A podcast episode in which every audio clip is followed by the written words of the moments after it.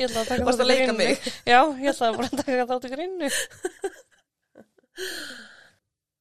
Góðan daginn, ætlar að herma eftir öllu sem ég gerir. Ég er bara, ég er að segja það. Ég held sem þú maður segja eitthvað að mér að ég fæ bara svona þörf fyrir að herma eftir því sem fólk segir. Góðan daginn Góðan daginn. og verið velkomin í mórskurinn. Og við, nei, tjók, takk. Ég heyrði í þættunum hjá þér hana ölu, bölu og bölu góð. Ég skil ekki að nokkuð maður hafi skilað það sem ég sagði. Að ég bara, ölu, böl. Bölu góð. Ok, það var alltaf skárar eldur en þessi tvö lög sem voru búin að taka fyrir síkastegin. Herru, já. Um, ég ætla bara að byrja þetta dag. Já. Oh my god. Ég, ég ætla að heyra á eftir. Það er að leka. Lauren Giddings fættist þann 18. apríl árið 1984 í Tacoma Park í Maryland og var fyrsta barn þeirra Karen og Bill Giddings. Ok. Þau eignuðu síðan tvær aðra stelpur, Caitlin og Söru. Lauren elskaði öll dýr og þá sérstaklega Pekin Geese, hundin sinn, Butterbean. Peking Geese. Já, Pekin Geese. Peking Geese. Er það tegundin? Já. Ok. Hún var vinsæl og átti aldrei erfileikum með eignastu vini. Hún var líka bara svolítið duglega að halda sambandi við vini sinna og bara fóldrarnar voru bara mjög stoltir af henni fyrir það. Engi ekki. Ég er mjög lélega að halda samband við vinnu mína. Já, ég líka. Þú veist að stofna hlaðvart með þér til þess að... Emmitt, hitta þig að minnst eitthvað steinu sinni viku. Hún var einnig svo fyrsta í fjölskyldunni til að fara í háskóla og Dugleg. það var bara þvílitt afreg og hún hafði uppháflega ætlað sér að fara að læra að verða læknir eða færa læknisfræði Já. en hafði breytt um skoðun og í kjölfari flutt hún til Macon í Georgíu árið 2008 til að læra lögfræði í Mercer University Ok. og, og ég held bara að lunga að vera að koma upp með með þér Já. Með þér? Já. Hún var mikið í íþróttum, þar meðal mjúkbolta og ísokki og var bara mjög virk í daglegu lífi. Softball. Hvað heitir? Mjúkbolti. Hvað segir þú? Ég veit Skotbolti? ekki. Já, alltaf ekki. Er það ekki skotbolti? Fyrir að æfa skotbolta. Ég vil að væri ég til að æfa skotbolta. Ég var ekki að til í en, en þú veist ég alveg talað. Nei, það er dodgeball. Að það? Já, eins og myndin, dodgeball. Er það kannski bara saman nema með mjúkum bolta? Þetta er eiginlega eins og hafnarbolti. Krikket eða eitthvað. Softball is a game similar to baseball. Played with a larger ball on a field that has base lengths of 60 feet. Já, ok, þetta er bara hafnabolti nema með Mjúkum bolta. stærri bolta. Ok, þar á meðal hafnabolta og ísokki en það var í eðlennar að sjá það góða í fólki og með hennar hæfileika í að eiga auðvelt með að kynnast fólki þá gerði hún akkurat það eftir hún flutti í nýtt bæjarfélag. Ok. Að þessu sinni var það nágrinn hennar að nafni Stephen Mark McDaniel en hann fættist þann 9. september ára 1985 og voru fóreldra hans Mark og Glenda McDaniel. Hann var alltaf snirtilur og var með eitthvað skona þrá ekki fyrir því og fjölskylda hans kalla hann í raun bara Mr. Clean Mm, og hann var bara með eitthvað svona OCD áratuhegðun. já. vildi hafa allt í rauð og reglu og bara allt reynt og snirtilegt. En hann var sem sagt í sama skóla hún og sagt, eftir möndaskóla þegar hann útskrifast árið 2004 þá hafði hann uh, unni sér inn forsetastyrk til að fara í Mercer háskólan þar sem hann var að læra viðskiptafræði.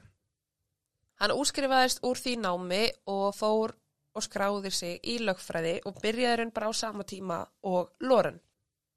Á fyrsta ári sínu í laganámi gekk hann til liðis við Mercer Federalist Society sem að Loren var einnig hlut af. En það var bara hópur laganema sem hafði áhuga á að tryggja megireglu stjórnarskrárunar myndi fá sangjana umfjöllin. Þannig að þú veist, inn í hverju svona skóladeild er alltaf eitthvað sem að einhverju að vinnað. Þú veist, þess að í hái þá er það með úlfljót, laga, blaðið. Þegar ég tala við þér svo þú þekkir þetta. Allavega, Á síðasta ári þeirra í námi var Loren kjörinn fórseti félagsins og Stephen var varaforsti. Það var árið 2008 sem að Loren og Stephen fluttu bæði inn í Barrister Hall íbúarsamstæðuna sem var bara vegum skólans. Stephen var talin vera mjög skrítin en burt séð frá því að þá var Loren alltaf vingjalleg við hann. Eftir að hafa flutt þangað þá bauð Stephen henni nokkur sinnum á date en hún bara afþakkaði pent í hver skipti og vildi raun bara halda vinarsambandi á milli þeirra. Já. Loren átti nefnilega kærasta en það var David Vandiver sem var lögfræðingur í Atlanta. Árið 2007 hafði pari kynst á meðan Loren var í starfsnámi á lögfræðastofunni þar sem að David var að vinna. En Loren var 23 ára á þeim tíma og David var um 20 árum eldri heldur en hún. Ó, ok. Aldursmunurinn trublaði þau samt ekki neitt, hún var bara mjög hrifin á honum og sambandið þeirra gekk bara mjög vel. Já. Þau áttu marg samiðilegt og skemmtu sér vel saman. Eftir að Loren myndi ljúka lögmannsréttindum sínum þá ætlaði hún sér að flytja til hans til Atlanta. Mm. ætlaði bara að klára skólan og fara svo að hefja bara alvöru líf með honum. Í mæ ár 2011 útskrifuðust Loren og Stephen bæði frá Mercer Law School en það eina sem það átti eftir að gera var standast lögmásprófið í Georgiu til að fásist réttindi, Já. sem eins og Kim Kardashian var að gera. Já, og Uh, tekur bara the bar. The bar, já. Laganimar Mercer eittu því stórum hluta júnimánar innilokaðir að læra fyrir prófið. En Loren var búin að segja vinum sínum og fjölskyldu að hún væri að læra bara á hvaða tíma sólarhengsins. Þannig að þau ætti ekki að vera að hafa ágjur af henni ef hún myndi ekki svara símtölum eða skilabóðum. Þetta var bara svona, ok, ég er rosalega upptekinn, ég svara þegar ég get. já. Ekki taka því persónulega. Í júni árið 2011 var David kærastinn í Kaliforníu í golfferð. Að kvöldi 25. júni skrifaði Loren honum tölvupóst sem að fjallaði um margvísleg efni. Samkvæmt David þá byrjaði tölvupósturinn á línunni I just had an awkward conversation en þar var hún að vitna í samtal sem að Loren hafði átt við annan aðila sem að var sífelt að spurja um samband þeirra David. Á einum tímapunkti í tölvupóstinum segir hún frá því að hún hjælt að einhver hafi verið að reyna að brjótast inn í íbúðunarnar síðast liðið 15. kvöld en út frá því hvernig hún skrifaði það þá virtust hún ekki hafa miklar ágjur af því. Ok. Hún meðal annars vísaði í eitthvað sem er Macon, Macon Hoodlums sem ég hef ekki rassi bala hvað er Nei, og reyndi að finna það út og það var bara eitthvað rotta eitthvað sem kom alltaf upp, ég veit ekki hvað það var þetta er allan eitthvað tegund af örgla krökkum með eitthvað sem eru þú veist að fýblast eða eitthvað svona dæmi þess vegna hafði hún ekki áhyggjur af því einhver hefði verið að brjótast inn til Já, ég skilji, ég skilji, ég skilji. David var á leiðinu út af flugvöld til að fljúa tilbaka til Georgiu frá Kaliforníu þegar honum barst tölvupósturinn og hann svaraði ekki strax. Þú veist, hann var náttúrulega bara á leiðinu í flug Já, og hann vildi raun bara ræða við hann í personu um þessi málefni þegar hann kemur tilbaka. Hann vildi ekki vera hann í tölvupósti. Hver, hver brust inn? Hann vildi bara hitta hana og þú veist, og er alltaf góðu. Katie O'Hare, æsku vinkona Loren, bjó í Mariland og starfaði sem hjúkunarfrængur þar. En miðvikudaginn 29. júni hafði hún áhyggjur en það hafði hún ekki heyrt tilbaka frá Loren í að verða fjóra daga. Hún vissi að Loren var mjög upptikinn en hún var vön að senda allavega einn skilabóð bara til að láta vita af sér. Já, Þannig að þetta var bara eitthvað, hei, ég er upptikinn, ég heyri þið senna. Katie byrjaði að hafa samband við aðra sammeila vini og fjölskyldumæðlimi og spurði hvort að einhver hefði heyrt frá henni, en svo reyndist ekki. Tölvupósturinn sem hún hafði sendt David á lögutaskvöldið var í raun þar síðasta sem að heyrðist frá henni. mm.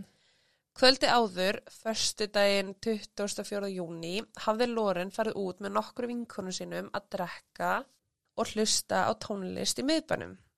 Eftir kvöldi fór hún og gisti hjá vinkonu sinni og á lögdagsmorgun þá fór hún í Macon-klubin til að synda og slaka á við sundlegin í smá stund. David hafði meðal annars gefið henni afnóta passanum sínum eða bara sundkortinu sínu til að fara þangað.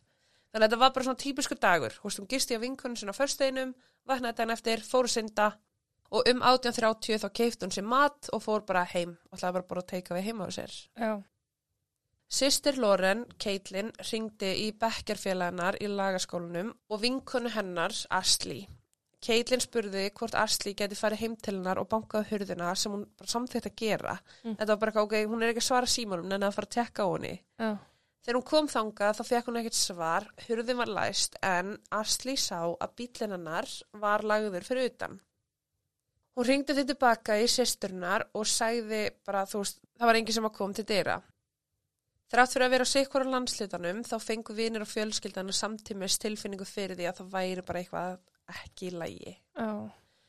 Á mið, miðvíkudagskvöldinu, sko notabene, það er, hún fyrir út á föstudaginn, lögudaginn sendur hún skilabóðin. Já. Nú erum við komin á miðvíkudag. Og enginn múl sjá hana að heyri henni. Nei. Á miðvíkudagskvöldinu ringdi önnur æsku vinkonennar, Lori, sem að bjó í Chicago í laurugluna til að spyrjast fyrir um hvernig hægt væri að tilkynna aðila tindan. Til að bregðast við símtali Lori þá fór lauruglumæður að heimilinnar í Barrister Hall samdagurs um klukkan 11 um kvöldið. Það voru engin ummerki um einhverja brotist inntelinar og það virtist allt bara líta vel út. Asli vissi hvar hún geymdi varalíkilinn sinn svo hann ákveða notan til að komast inn í íbúðuna. Svo hún var bara eitthvað, þetta kengur ekki lengur. Hún og lítill hópur vina sem að byggja einn á Barrister Hall mætti þangað að leita henni en inn í íbúðunar fundust allir persónlegi munir. Þar með að liklar, taska, farsimi, fartalva en það var engin Loren. Já. Á einhverju tímbondi á meðan vinir Loren eru að skoða íbúðunarnar og leita henni þá byrti Stephen en hann hafði sérst séð krakkan að fara inn til hennar. Mm. Farsíminn hennar Loren var batterislaus svo að þau ákveða sérst bara plöggunum inn og tengja hann við ramagn og þau komist að því að í síðasta skipti sem að Loren notaði síma sinn var á laugadaginn. Þau ákveðu þó í kjölfara ringi neðalínuna og tveir lauruglumenn á vegum háskólans. Mm. Sérst að þetta er íbúð vegum háskólans og þá er háskóla laurugla Já. Campus. pólís. Ó. Oh. Ó, svoleiðis, ok. Þeir komu og rættu við nefndur sem að höfðu verið inn í íbúðun hennar Loren. Þeim að brugði að heyra sögu þeirra að Loren hefði ekki sérst síðan á laugadag og köllu strax eftir lauruglunni í Meikon til að koma og bara aðstofa við leitina. Þeir voru mættir á vettvang klukkan 00.52 þann 30. júni eða aðfara nótt 50 dags en það var fjóru dögum eftir að hún hafi síðast haft sambandi við ykkur. Þannig að fjóri daga liðnir. Úf, ok. Saman leituðu þau í íbúðbyggðinni á nærliggjandi svæði sem og á bókasafninu en engin ummerki voru að finna um Loren. Klukka nýja morgni sama dag hófst ofinbyr rannsókn á hvarfi Loren.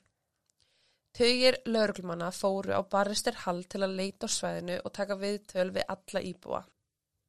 Innan við klukkustund eftir að rannsókn hófst formlega þá fóru tveir lauruglumenn inn á svæðið vinstra megin við íbúar byggðina þar sem að rusli var geimt. En það var sérst bara, þeir eru búin að leita, banka upp á hjá nágrunum, þeir eru búin að ganga um allt svæðið og þeir, sérst að þetta er bara svona síðasta stoppið aðtöða hvort það væri eitthvað Já.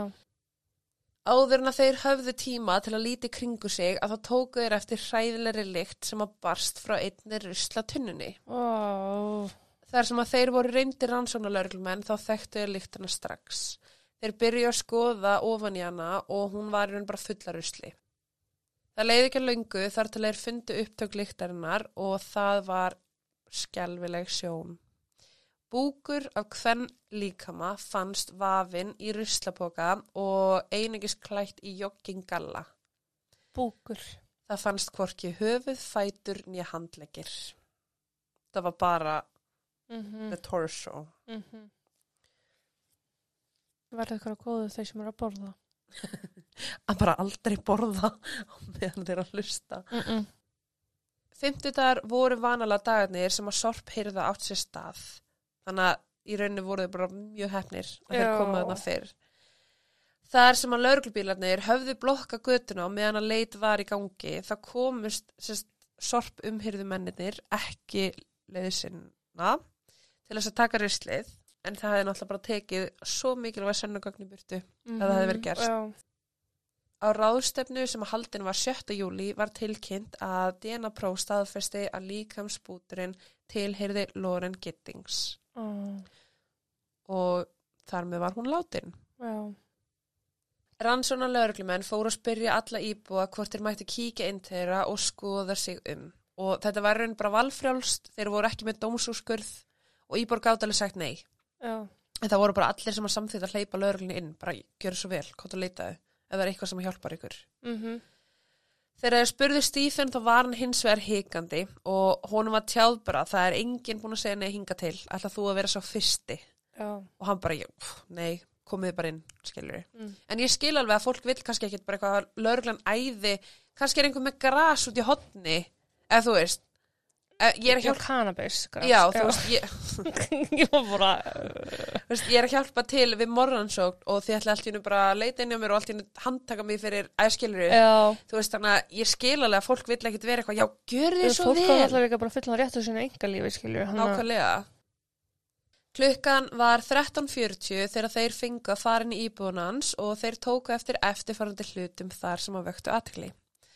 Það var stór hnífur, það var samúræja sverð, það var riffill og það voru tvær skambisur.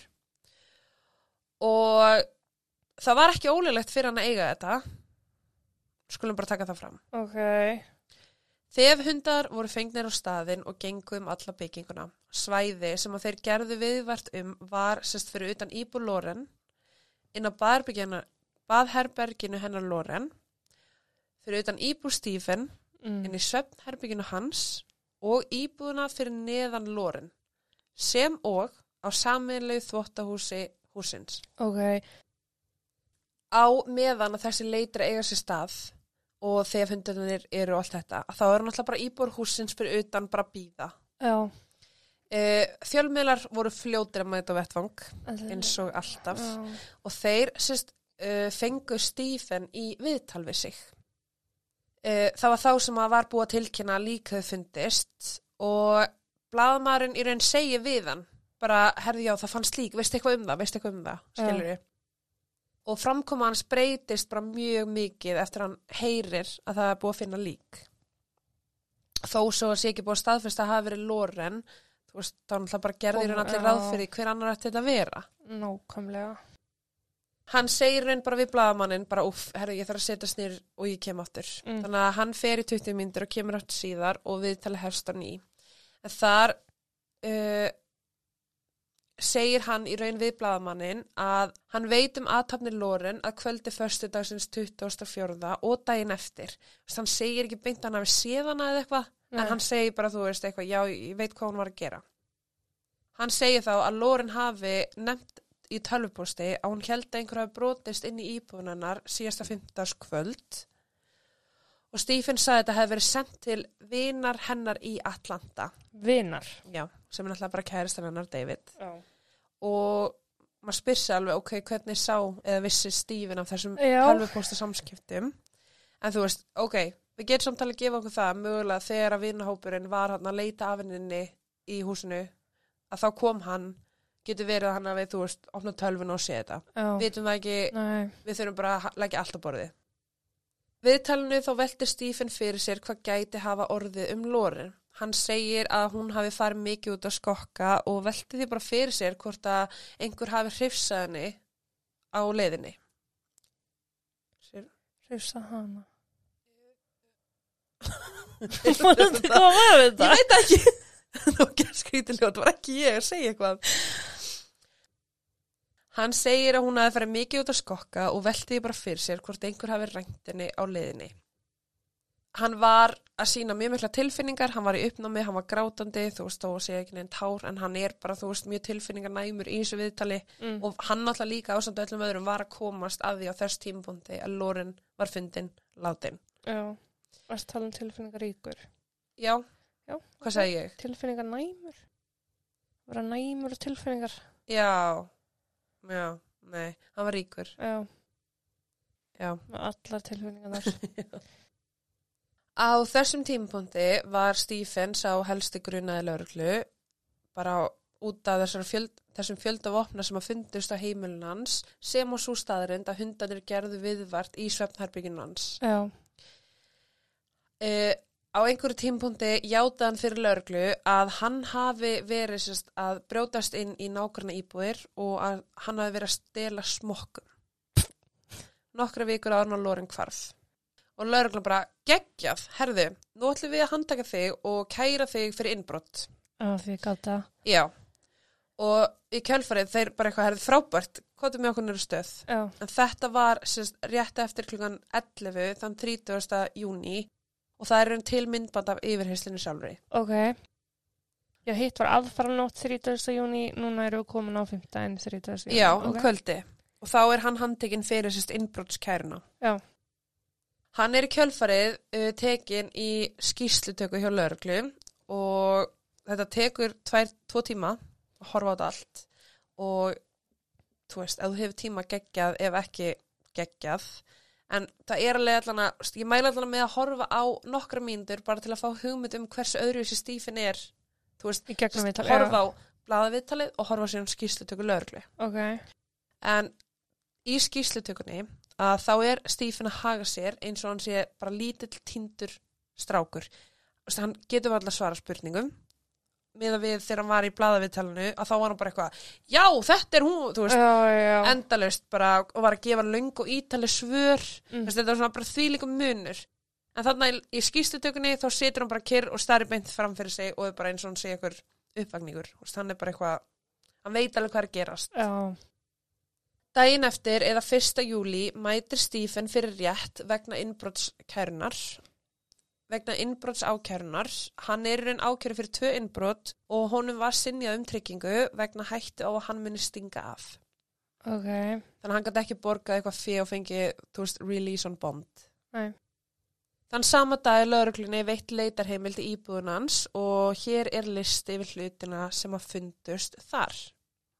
Það eru tvær skambisur, það er riffill, það er reypi, það eru fjóra hafnaboltakilfur, það er sverð, það er svona vikingavesti úr keðju, svona eins og er á öllum, Já, svona sem er ekki alltaf stingi gegnum. já, það er myndavél, fartölva, farsimi, USB-líkil og minnisköpur með myndum á Loren.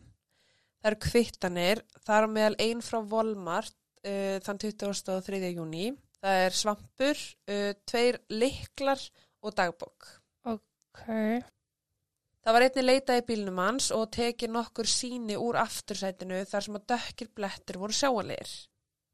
Á meðan að hann var í gæstuvaraldi þá gat lauruglan einnig fengið lífsinni af Stephen sjálfum en þeir tóku sérst hársinni, strókur á munni, strókur á nöglum hans, úr, eða bara klippu af nöglum hans og bara myndir af öllum líkamannum Ó. eins og er alltaf gert þegar úr tekið inn. Já, já. Á milli 12. júli og 20. júli fór lauruglan nokkru sinnum heim til Stephen til að framkoma fleiri leitir. Þess þeir voru bara að finna allt á meðan þeir voru með þessa leitarheimild í höndunum. Mm. Þá lögðu þeir meðal annars hald á Playstation 3 tölvu, uh, Xbox, tímaritt fyrir fullorna, par af kvenmars nærfötum og umbúðir fyrir sérst Stanley Játsög. Já. Já. Minnisköpurinn sem að lagt hafði verið hald á var rannsakaður af tölvusérfrængi frá Georgia Bureau of Investigation. Búrjó. Hvað segir þú? Búrjó. ok. En þar fundust meðal annars 52 ósumulegar myndir af börnum. Nei, fjandinn hafið það. Þegar þeir skoðuðu fartöluna Stephen þá var skoðað þá hluti sem að hann hafði sérst, verið að skoða á netinu og bara skoða leit, eða sérst, search history og hann hafði meðal annars leitað mikið af Loren, hann hafði skoðað Twitter reikningin annars Já. og bara þú veist myndir af henni og hann hafði líka á ykkur tímapunkti skrifað Nút Loren Gittings eins og það myndi bara veita honum einhverjar uh, naktarmyndir af henni í Google, Og maður veit ekki. maður veit ekki maður veit ekki nema að prófa please ekki googla mig eitthvað bara eitthvað fórtjan bara guð. Það ætti ekki vera til neitt, svo lesa mér sem betur verð. Nei, ég held ekki að mér en ég ætla ekki að ræða það því ég, svo kannski er eitthvað bara eitthvað Já. Besta byrta nú. Einmitt. Ekki fyndið, það er hemdaklám og það er ekki í bóði. og það er ólöglegt Já. en það voru líka aðra leitir sem voru almennt bara ógislega sem hann búin að skoða hann var til dæmis búin að searcha molest sleeping girl Hvað gengur fólki til? við hverju býstu að sjá þegar þú skrifar svona inn á Google hvað ert, hvað ert að reyna að fá að sjá út, út frá þessu nákvæmlega það sem hann skrifaði. sofandi stelpu Já, ég veit ekki.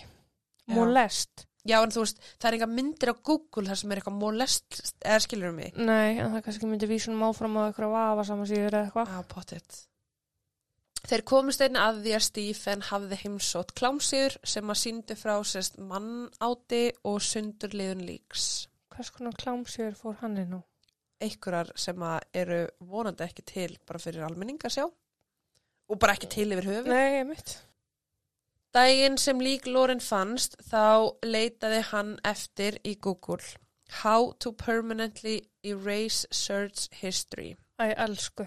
og það gekk svona vel hjá honum það sást líka hvað hann hefði leitað af hvernig hann ætti að eigða því Ctrl H, Ctrl A, delete. Bara fara upp í hérna og history og já, history delete search. Stephen var í kjölfari ákjærðu fyrir mandrap þann annan ágúst. Járnsög fannst sem að falinn hafði verið í þvottahúsinu en réttar rannsókn leiti ljós að á henni voru leifar af DNA Loren. Uh, og þegar ég segi leifar að þá er ég ekki að meina bara blóð, ég er að meina vefir. mm Pakningin af söginni hafði fundist heima hjá Stephen og sko, einn af liklunum sem þeir tók úr herbyggi Stephen reyndist vera aðalikill sem að veitt honum aðgang að öllum íbúðum í Barrister Hall. Þar á meðal íbúð Loren. Hvernig anskotan var hann að gera með það? Akkurat. Stuttu eftir að búkur Loren fannst þá fengur rannsóna laurglumenn símtal frá fyrrum herbyggisfélaga Stephen en þegar að þeir byggur saman þá hafði Stephen oft tala um það hvernig hann gæti framið hið fullkomna morð og myndi komast upp með það. Mér heyrist ekki. Það gekk ekki vel hjá honum. Stephen var því í kjölfari leittur fyrir dóm en hann neitaði allri sög. Þann 23. ágúst var hann einni ákjærður fyrir sjö ákjærliði sem varð, er varðaði barnaklámið sem að fannst í tölvinans. Í desember neitaði hann sög og trygging hans var ákveðin 850.000 dollarar sem að fjölskylda hans gæt bara ekki ómögulega borgað. Kannski vildu það bara ekkert. Ég bara vonaði að það hef ekki viljað. Hann sati áfram í gæsluvaraldi á meðan hann beigð réttarhalda. Þann 21. februar árið 2013 tilkynnti saksóknari að þeir ætluðu ekki að sækjast eftir dauðaröfsingu í málinu og í kjölfari sendi dómusmálar á þeirra frá sér yfirlýsingu.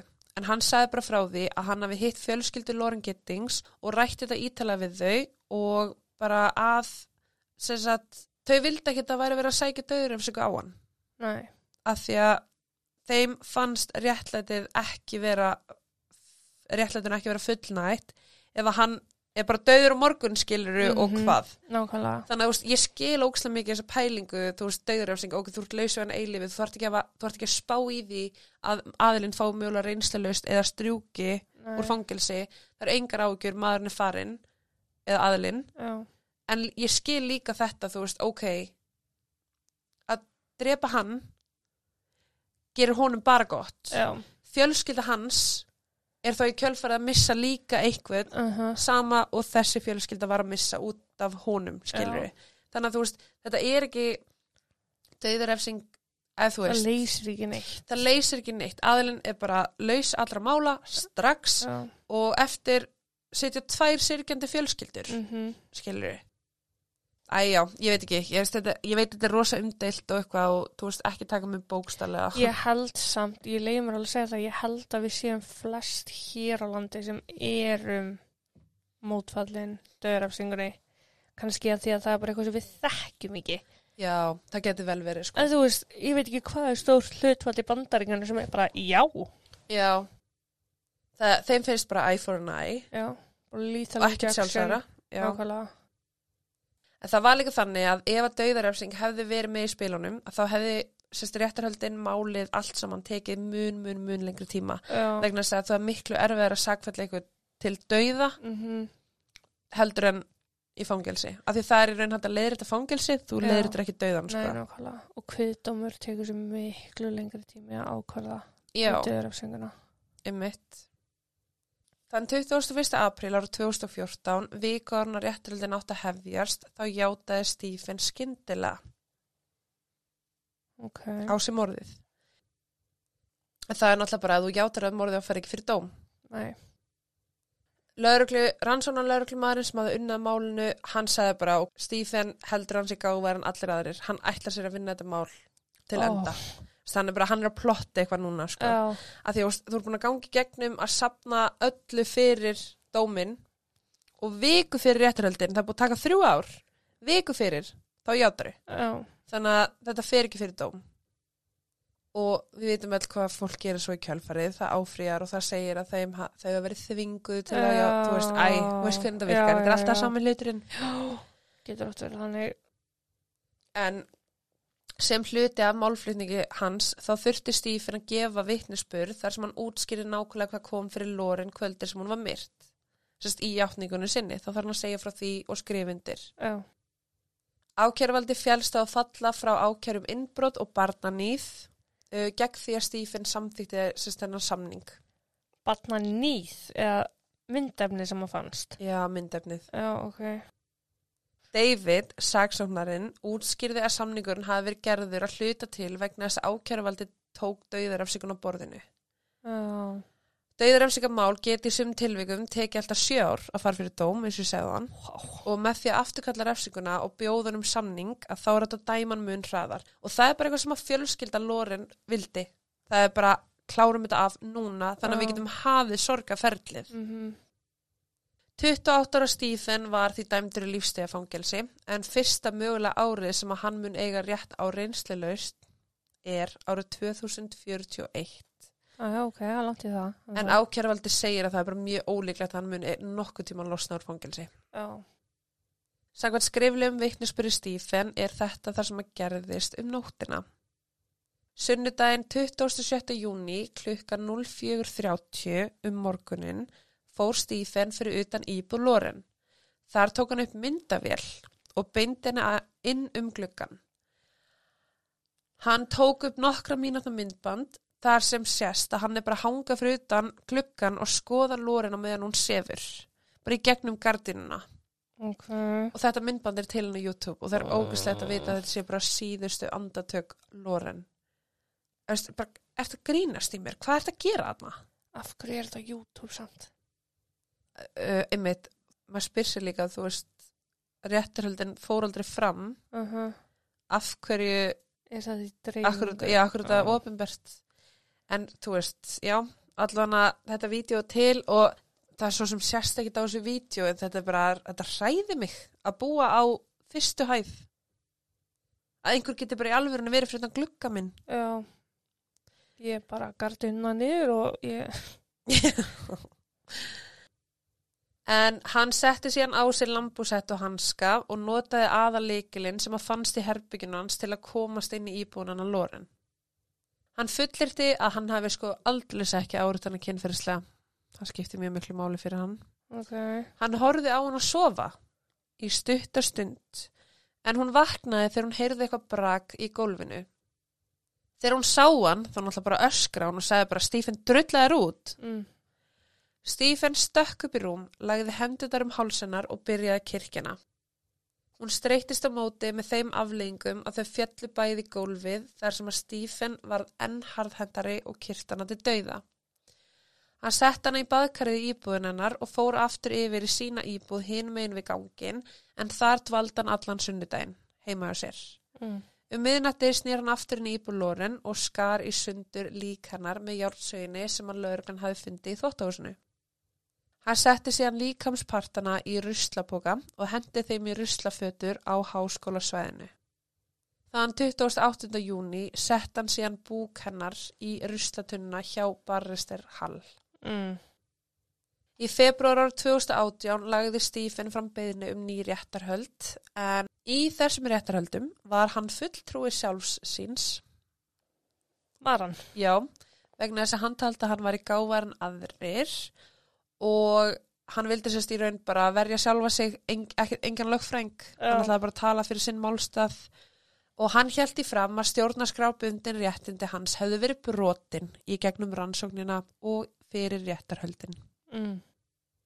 Hann held í fram að rannsakandur hafi skjálfest í skýrslu sinni að Stephen var ekki á andlega réttum stað þegar þeir, sem þegar hann játaði.